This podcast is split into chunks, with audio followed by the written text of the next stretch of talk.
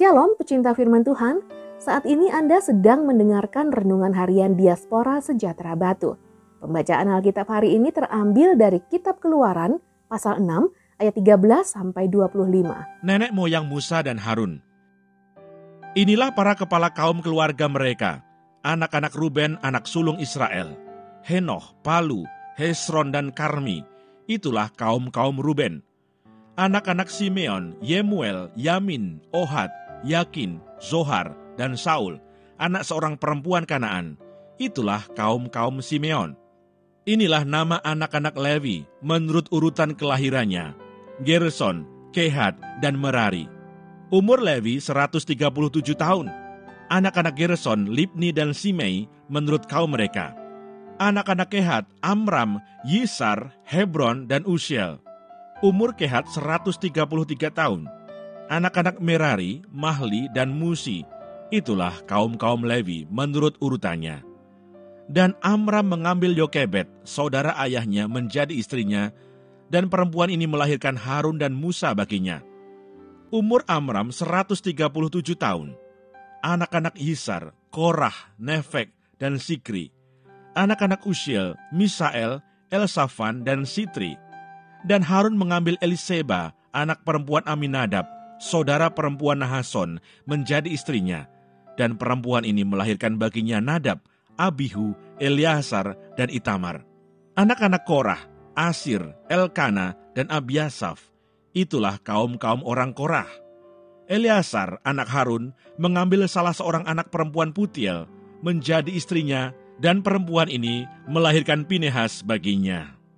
Itulah para kepala kaum keluarga orang Levi menurut kaum mereka itulah Harun dan Musa yang diperintahkan Tuhan, bawalah orang Israel keluar dari tanah Mesir menurut pasukan mereka. Merekalah yang berbicara kepada Firaun Raja Mesir, supaya mereka membawa orang Israel keluar dari Mesir.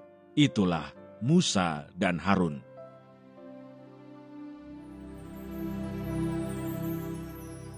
Ayat Mas hari ini diambil dari kitab Keluaran 6 ayat 25. Itulah Harun dan Musa yang diperintahkan Tuhan. Bawalah orang Israel keluar dari tanah Mesir menurut pasukan mereka. Keluaran 6 ayat 25. Renungan hari ini berjudul Tuhan memakai keluarga. Keluarga merupakan bagian penting dalam kehidupan manusia dan Tuhan juga memiliki rencana yang mulia melalui keluarga. Tahukah Anda bahwa rencana Tuhan dalam kehidupan kita sudah dimulai sejak dari para pendahulu kita atau nenek moyang dan orang tua adalah orang yang Tuhan pakai untuk mendidik, mengarahkan, dan memperkenalkan Tuhan dalam hidup. Orang tua adalah guru kehidupan bagi anak-anaknya.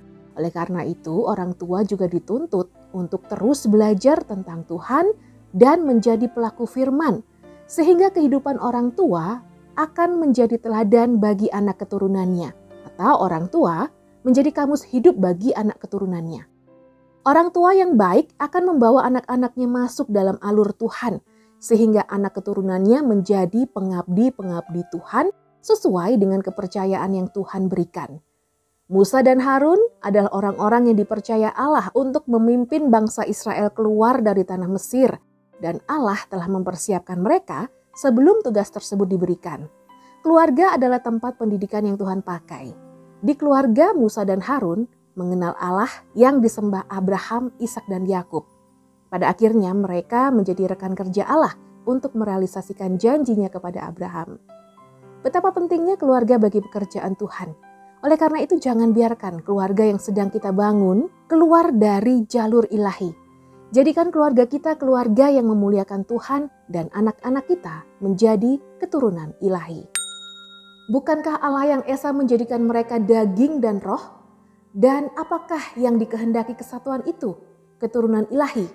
Jadi jagalah dirimu dan janganlah orang tidak setia terhadap istri dari masa mudanya. Maleaki 2 ayat 15. Tuhan Yesus memberkati.